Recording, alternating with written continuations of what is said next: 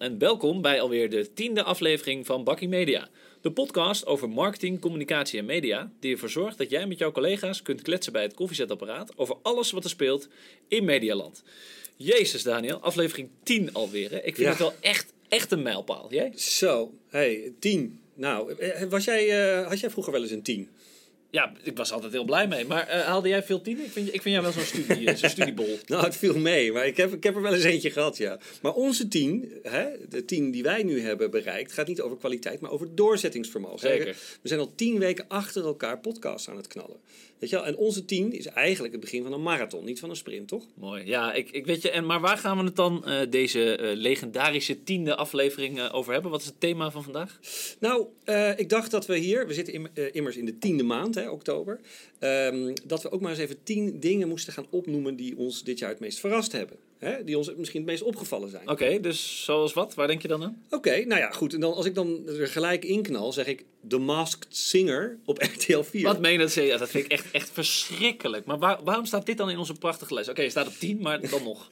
Oké, oké, oké. Thijs, hold your horses. Hè. Als je lekker in, de, in je Netflix-bubbel zit, weet je al. Heerlijk zit ik daar. eh, ja. Zit ik ook, moet ik eerlijk bekennen. Dan voelen dit soort shows af en toe een beetje, nou ja, laten we zeggen als bizarre flauwekul. Maar even wat toelichting. Ehm, wat is dit voor format? Dit is een zangprogramma waar anonieme zangers gaan, verkleed gaan in bijvoorbeeld een soort Superman-pak of een groot konijnenpak. En dan moet de jury raden welke BN'er dan vervolgens zit te zingen in dat pak. Maar Thijs, even niet afhaken nu. Dit is echt een dingetje. Maar FCS, hoe dan? Weet je, dit, ik las dat dit een of ander Zuid-Koreaanse eh, format eh, is. Hè? Je weet dat zij en de Japanners maken de meest bizarre pulp eh, op televisie. Maar een, een, een zangshow in een apenpak, weet je, wat maakt het nou speciaal? Ik bedoel, Rintje Ritsma ontmaskeren doet het voor mij niet. Kan niet zingen dan? Nou, ik sprak gisteren Martin Hersman. Leuk, eh, Martin Hersman sprak ik bij de Raad van Advies eh, van, ja. eh, van de ondernemer, oud schaatser.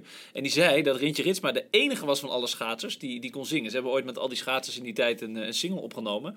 Ehm, en aan dit, nou ja, dit verkleedpartijtje in het pak bij de Maas Singer had eh, Rintje toch wel een flink eh zakcentje Dikke. Maar, doekoes. maar dat even terzijde. Dikke doekoes. Hey, even wat achtergrond voor, voor dit fenomeen. Want ik noem dat natuurlijk niet zomaar. Er is op dit moment een soort mini-oorlog gaande tussen RTL en Talpa om de kijkcijfers. Hè. RTL heeft klappen gehad. Oh ja, boksring. Oh, Ja, nee, precies. Weer een battle. Nee, ja, eh, die hebben klappen gehad met de teruglopende Ja. GTST-cijfers. Eh Boos Talkshow is, wilde eigenlijk En Talpa had natuurlijk, weet je, de Champions League uitzendrechten gekocht. Kijk, die John, weet je, die heeft toch wel een beetje een, eh, gouden pik, hè? Net als eh, Ronald Koeman. Ik bedoel, Ja.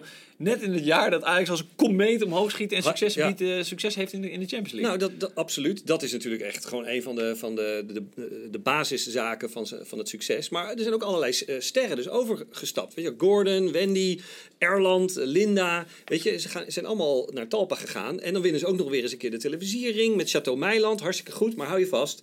Met, eh, RTL heeft dus met deze Masked Singer dus echt een kijkcijferhit eh, in handen. Weet je wel? Ze afgelopen vrijdag anderhalf miljoen kijkers. En daarmee winnen ze Ja, het van ik- Dance, ik- Dance, Dance. ik begrijp het gewoon niet. Weet je, waar zit dat dan in? Beetje Gerspardoel in een pak of Rintje Ja. Ritsma in een pak? Ik bedoel, ho- hoezo vinden mensen dat nou zo leuk, Take, Daniel? take it easy, rustig thuis. Ik ga het je uitleggen. Beetje, ik word een beetje opge- opgewonden van. Ik, ik- ik begrijp het ik niet. zie het, ik zie het.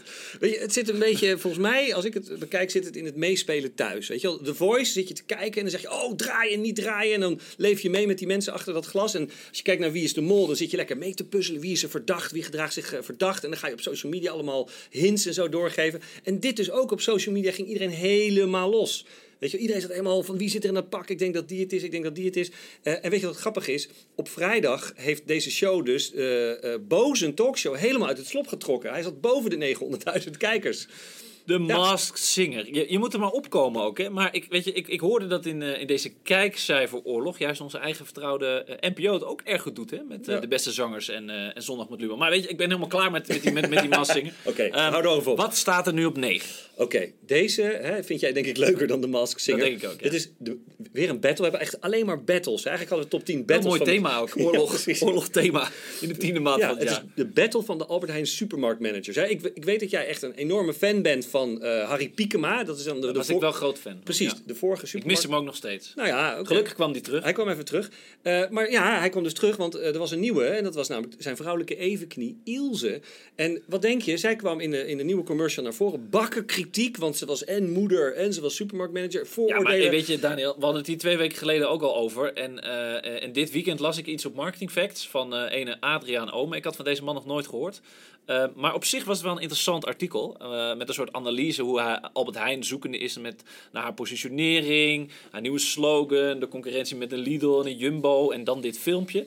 Maar bottom line ben ik het dus met die Adriaan Ome dit keer dus helemaal niet eens. Eh, want ik vind wel dat Albert Heijn een, een steen in de vijver gooit. En het is een keuze waar ze wel mee gaan scoren. Weet je, ze kiezen wel voor een vrouwelijk gezicht ook in de. In Nou de ja, campagne. dat Vind is dus de goed. vraag. Eh, kiezen ze, weet je wel? Want eh, on- onze, onze Adriaan Omer die claimt dat ze dus in feite geen keuze Ja, maar dat gaat vooral, wat hij zegt, gaat vooral over die slogan. Weet, dat is het lekkere van, Van Albert Heijn. En, en daar volg ik hem op zich wel in. Want ja, wat, wat zegt dat nou? Hè? Hoe onderscheidend is lekker nou? Hij kwam ook met een term als eh, appiness. Nou, vond ik wel geinig. Ja, dat is leuk. ja. Maar ehm, ik, ik vond deze campagne wel, wel sterk. Weet je, vorige week hadden we het namelijk nog over eh, de balans. Hè? En deze spot heeft voor mij wel die, die, die balans.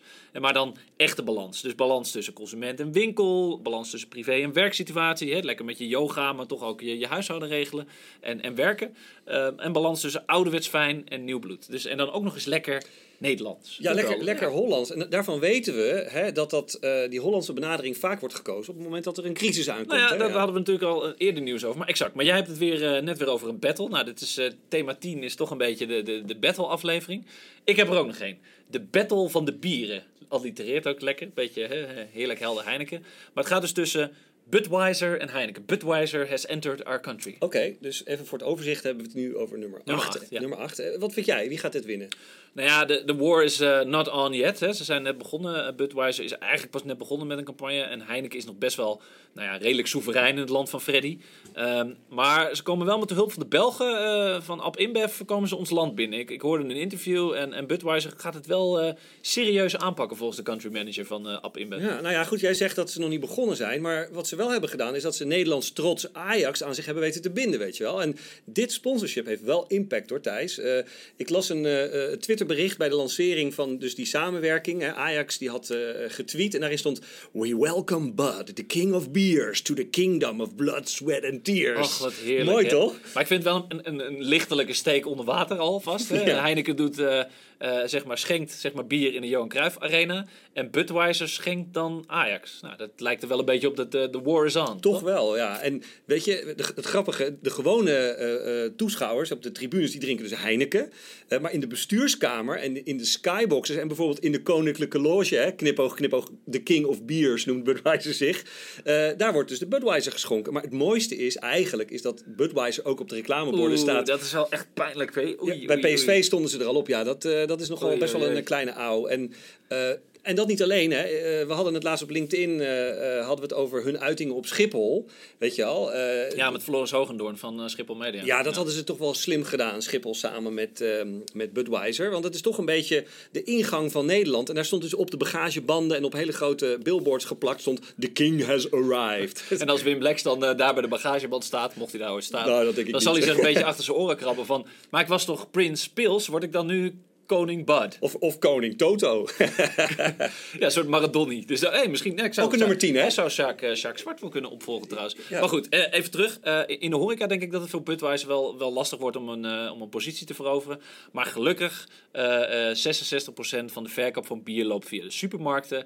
Dus ik ben wel heel benieuwd eh, ja, wie deze battle uiteindelijk gaat winnen. De Battle of the Beers. Oké, oké. Nou, oké. Door naar de volgende. Nummer 7. Hey, en Thijs, met een beetje lichte tegenzin hoor. Want ik bedoel, ik, ik Je besef... kijkt ook een beetje moeilijk. Ja, het begint nu weer. Dit is een mi- minder leuk eh, onderwerp. Maar hij moet er wel in, dat geef ik toe. Dat is growth hacking. Weet je iedereen wil growth hacken, Thijs. Met z'n allen willen we growen, weet je wel. En daar hebben we hacks voor nodig. En dan gaan de growth Oké, hackers... oké, oké, rustig, Ja. rustig. Ik zie dat je een beetje verhit raakt. Ehm, even wat uitleg voor onze luisteraars. Ehm, deze term growth hacking Growth komt dus hacking. uit de internet startup scene hè, van, van Kickstarter en eh, allemaal dat soort eh, partijen. Kleine bedrijven moeten in extreem korte tijd eh, eh, groei laten realiseren. En dan ook nog extreem groeien. Om dus de inve- investering te kunnen rechtvaardigen. Dus moeten ze eigenlijk op zoek naar alternatieven naast de reguliere marketing- en mediakanalen die bekend zijn. Dus social, viral, influencers, noem het maar op. eh, wordt ingezet. En in korte sprints, nou in dit geval is een sprint en geen marathon. ehm, wordt geëxperimenteerd en getest wat dus eigenlijk het gouden ei is. Of de holy grail om, om te groeien. Alle andere doelstellingen en KPI's moeten daarvoor wijken. Kort samengevat, growth hacking. Growth Dus. hacking. Nou, en hier ligt dus mijn probleem. Hè. Eh, de bedenker van deze, deze hip term, weet je wel, ene meneer Sean Millennial Ellis. term zeker weer. Ja, het een beetje wel. Meneer Sean Ellis, ik geloof in 2010, die had een soort specifiek proces voor ogen, weet je wel, waarbij eh, datagedreven optimalisaties stap Hmm. voor stap werden doorgevoerd. Hè. Daar zat wat in. Maar op dit moment wordt deze term vooral misbruikt door allerlei misplaatste goeroes en businessgekkies, weet je wel. En elke businessscheet op de planeet, noem ik maar, is momenteel een growth hack. Ik word er echt helemaal gek van. Ik, ik zie het eigenlijk. Ik, ik- dames en heren, even voor de beeldvorming. We zitten natuurlijk in de podcast. Eh, Daniel die is echt helemaal verhit van. Maar eh, maakt verder op dit moment niet helemaal uit. Eh, als iedereen namelijk gewoon een elementje uit dat hele growth hacking pakt. Weet je wel, gewoon een beetje science-based of wetenschappelijk onderbouwde optimalisatie. Whatever. Weet je, het is toch ook vooruitgang, Daniel? Groei. Ja, eh, growth hack. Nou, houd toch op, man. Weet je, laat ik het nog even scherper proberen te zetten. Door dit growth hacking fenomeen lijkt het hè, alsof je met een hele simpele hack, en een, een hack is eigenlijk een trucje, dat je iets kan eh, bereiken wat andere hardwerkende professionals met een echt een goed plan niet voor elkaar krijgen. Weet je wel, dan komen er ineens een soort van magicians komen er binnen. Weet Ik ben je wel dol op magicians. ja, precies. een soort, soort, soort magic, weet Ja. je wel. En die gaan het allemaal eh, eh, beter maken. Weet je, alle serieuze... Weet je, het is net alsof serieuze bedrijven aan elkaar hangen van, van hekjes en trucjes. Dat is gewoon niet zo, weet je. En growth hacking veronderstelt ook nog eens een keer... dat je een soort supersnelheid inbrengt in zo'n organisatie. En dat kan dus natuurlijk ook schadelijk zijn voor je bedrijf. Weet je wel, omdat je gewoon eh, dingen over het hoofd ziet... of omdat je, ehm, ja, weet je wel, zo snel gaat dat je gewoon eh, eh, dingen nou, laat, laat liggen. Maar ook nog bijvoorbeeld dat je, dat je heel erg focust op die ene KPI. Weet je wel, bijvoorbeeld het, het aantal social media volgers. Weet je, en dat je dus het totale plaatje van je bedrijf of van je marketing uit het Oké, maar als ik het goed begrijp, na dit verhitte betoog van jou, slaan we de term eh, growth hacking trend eh, eh, maar even over. Ja, precies. Laat Maar goed, zitten. voor, voor de volgende heb ik er dus eigenlijk twee. Dus nummer 6 en nummer 5. Het is eigenlijk best wel een vreemde combinatie, om heel eerlijk te zijn. Maar ergens klopt het wel. En, en belangrijker, we moeten ze wel in deze lijst noemen. Eh, het Eurovisie Songfestival in Rotterdam, in Ahoy. Ze hebben gewonnen. En de Formule 1, na ruim 30 jaar terug op Zandvoort. Ja. Ik vind het best benoemenswaardig. Zo, nou ja, het is inderdaad wat je zegt, een hele gekke combi, maar ergens voelt het gewoon goed samen. Het is ook een klein beetje Nederlands Duncan en Max. Ja, het is een beetje Nederlands trots ook weer. En, en wat er ook nog meespeelt, hè, en dat eh, attendeerde onze Willem Albert ons eh, vorige keer op. In 2020 wordt een bizar jaar. Want je hebt deze evenementen alle twee in mei bijvoorbeeld. En dan krijg je ook nog het EK. Ja, En dan- juni. ja. Ja. en dan krijg je dus Olympische Spelen. Lekker alles achter elkaar. En dan daarna nog een keertje sale. Weet je, de France, ja, alles precies. erop en eraan. En vanuit marketingperspectief is het natuurlijk next level, eh Thijs. Ja, maar weet je, het, het kan wel, eh, wat mij betreft, twee kanten op. hè. Het, worden of een, het wordt of een explosie van inhakers en likes en allemaal eh, gekke, gekke campagnes. Of de vraag is, zijn de consumenten straks na een paar weken helemaal klaar met deze marketing shit rondom, rondom deze Het zou evenementen? goed kunnen.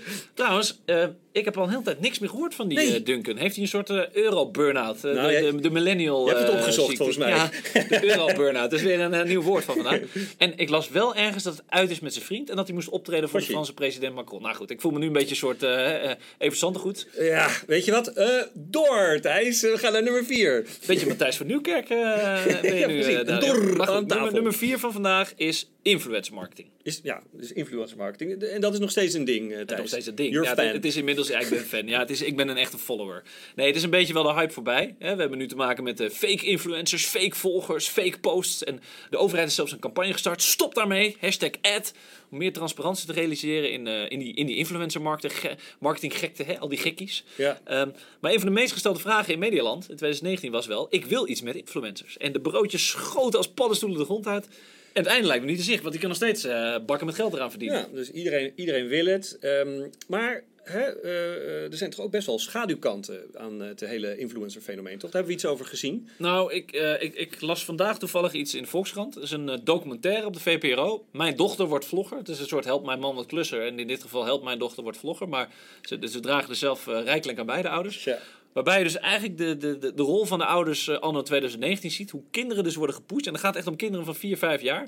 Om filmpjes te maken. Dan gaan ze dingen uitpakken. De zogenaamde unboxing eh, filmpjes. Ja. En dat wordt dan op social media actief. Maar die kinderen die, ja, die zijn dus al vanaf hun vierde zijn ze online beschikbaar. In het kader van eh, Ja. privacy. Ze hebben daar niet echt zelf weet van, denk ik. Ja, en wat ik grappig vind is, eh, jij hebt je moeder hier even over gebeld. Ja, hè? zeker. Ik heb mijn moeder gebeld, want ik vond dit dus echt zorgwekkend. Dus ik, ik met mijn moeder over gehad. Ik zeg, nou, ik vind dit echt zorgwekkend. Toen zei ze, ja, maar dat is toch van alle tijden. Vroeger had je kinderen die werden in olili-kleertjes gestopt. Eh, je zag het aan eh, bij het hockeyveld of bij het voetbalveld van die ouders die hun kinderen dan pushten om, om verder te gaan. De zogeheten Tiger Moms. Ja, de Tiger Mom. En, en, en ik, weet je, persoonlijk, ik vond het best wel een soort kinderarbeid 3.0. Weet je wel, zo van, nou, je gaat je, je gaat je hele huis inrichten. Je gaat lampen kopen, camera's kopen. En je gaat tegen je kind zeggen, nee, nee, je gaat vandaag niet eh, eh, op je iPad spelen. Je gaat vandaag een doos uitpakken en dat gaan we filmen. En daarmee gaan we op YouTube kijken of we geld kunnen verdienen. Nee, dit, Ik, eh, ja, ik was wel een beetje in shock. dit is wel echt een, eh, een bizar artikel. Dus dat staat in de show notes, kunnen jullie dat nalezen. Hey, en nog even terug naar die fake berichten. Hè. Ik heb een beetje het gevoel alsof dat waar, eh, weer eh, behoorlijk is opgeleid. Kun je daar iets over zeggen? Ja, ja transparantie. Ja, het, het gaat nu, onlangs kwam namelijk een, een Amerikaanse influencer in het nieuws. Zij heet Tiffany Mitchell. Ik had nog nooit van haar gehoord. Maar zij had een motorongeluk in scène gezet, was het nieuws. Zij lag prachtig opgebaard trouwens. Een prachtige vrouw. Zoek haar op. Eh, ze werd geholpen door een veel te knappe man. En een veel te nette, nette outfit. Dat je denkt, nou stap je zo op je motorfiets. Maar dat terzijde. maar het probleem was dat zij een, een gesponsord flesje naast dat ongeluk had staan. Waarbij ze lag. Helemaal, helemaal vies van de olie. Het internet stond er vol mee. De wereld viel erover. En al haar volgers zeiden, dit kan niet langer. Ja. Die Heftig, hè? Influencers, het zijn crazy people. hey, Martijs, zijn wij niet ook een beetje influencers? Ja. Hè? Ik bedoel, we zitten met Bakkie Media eh, inmiddels al bijna op de duizend Na deze aflevering gaan we dat zeker aantikken. Duizenden luisteraars. We hebben allemaal fans. Hè? We hebben Joyce en Angela en Bart H. Echt, echt En onze moeders, hè, niet vergeten. onze moeders die heel erg fanatiek luisteren. Eh, we zijn al te horen via de ondernemer. Hè? Weet je, moet, moeten wij eigenlijk niet ook een plekje in deze... En we hebben gewoon onze eigen podcaststudio bij Nou, de HVA. We dat- zitten gewoon lekker in onze eigen studio. We gaan even een fotootje inderdaad. eh, Bizar. ik, ik ben het wel met je eens. in- ik ben het met je eens. ja. Dus je hebt ook gelijk ook, weet je. Ik geef jou gewoon vandaag even gelijk. dank je. Onze, wij als podfluencers staan dus op nummer 3,5. Pa- Podfluencers. Podfluencer. Nieuwe term weer erin. Maar wat mij betreft staat de reclamevrije NPO dan op 3. De flop van slop noemen ze het toch? Ja. Eh, ja, nou ja, en eh, terwijl dus inderdaad, dus NPO 3 en NPO 1 de laatste weken enorm scoren met eh, dus de oer-Hollandse Ja. content. Weet je wel, Lubach en de zangers. Beste, eh, zangers van Nederland. Ja. Ehm, maar hij gaat zich niet bedenken, hè, onze, onze Arie. Nee, ja, Arie Slop die is natuurlijk best wel koppig. Hè? Kijk, volgens de laatste berichten heeft de NPO een brief gestuurd. Ja, Oh. aan de minister. Een Geen, brief. geen mail, geen, Geen mail, geen geen, appje. app, niks, niks Ja. social gedaan. En daarin zeggen ze, ja, wij zijn bereid om een stap te maken om de programma's en de webpagina's voor kinderen reclamevrij te maken. Nou, dat is op zich goed. En daarbij zeggen ze ook, wij stoppen met persoonsgerichte online reclame maken. Nou, dat zal eh, minister Slop dan wel aanspreken, omdat hij wel heel erg bezorgd was om de privacy van de burger. Hebben ze hier, is dit ook misschien, eh, denk je, ook een reactie op die eh, megaboete die YouTube gekregen eh, heeft naar aanleiding van hun kindertargeting? 155 miljoen dollar, geloof ik. Ja, nee, goed, we hebben het daar eerder al over gehad. Hè, dat Google haar lesje wel geleerd lijkt te hebben. En, en daar neemt de NPO dus een voorbeeld aan op, op kleinere schaal. Maar ja, ik vraag me af wat hier überhaupt van doorgaat. En we zijn nog lang niet in 2021. Het is een beetje als de pensioenleeftijd in Nederland.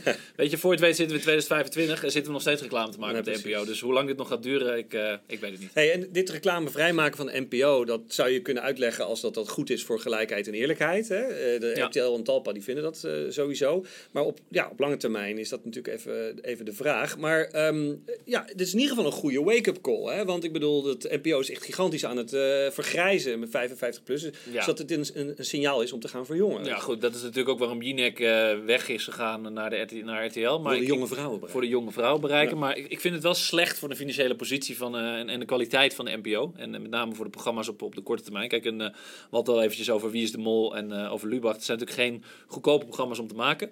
En het is ook wel slecht voor een potentieel Nederlandse mediafront. Hè, richting Amerika, Ja. waar we in een oh, van onze hebben we hem weer. De vuist. eerste aflevering over hadden. Want eigenlijk wordt de NPO-kijker zo regelrecht in de armen gedreven van Netflix. Of wellicht wel andere streaming video giants, Ja. eh, Disney of Apple. Yes, nou we zijn er bijna, Thijs. We gaan eh, nog eventjes door naar nummer twee. Want je had nog iets met eh, TikTok en YouTube, Ja, geloof ik. TikTok en YouTube. Ja, we hebben, het, eh, we hebben deze aflevering veel over battles. Maar ik vind dit een hele interessante. wie wint de strijd om de generatie Z-kijker? Brechtje de Leij gaf haar op haar column op de ondernemer ook al een, een, een kijkje in de keuken. Ik vond het een heel interessante vraag.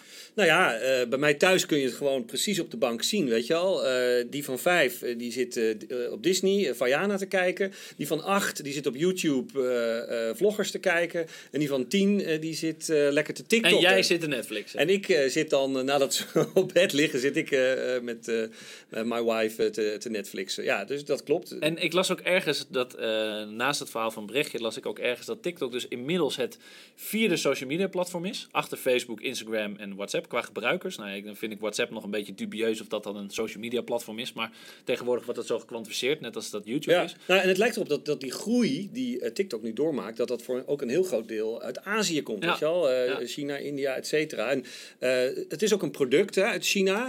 Deze partij, ze heet ByteDance. is Mooie naam. Fantastische naam. die namen vrij onlangs voor de 1 miljard Musical.ly over.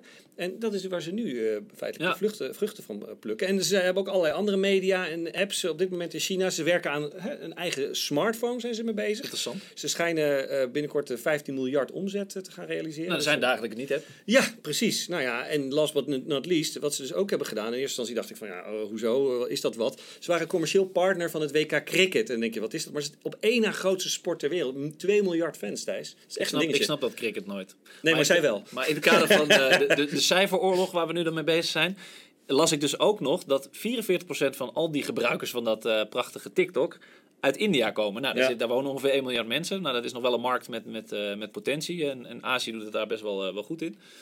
Maar ook in Nederland lijkt de rekker nog niet echt uit te zijn.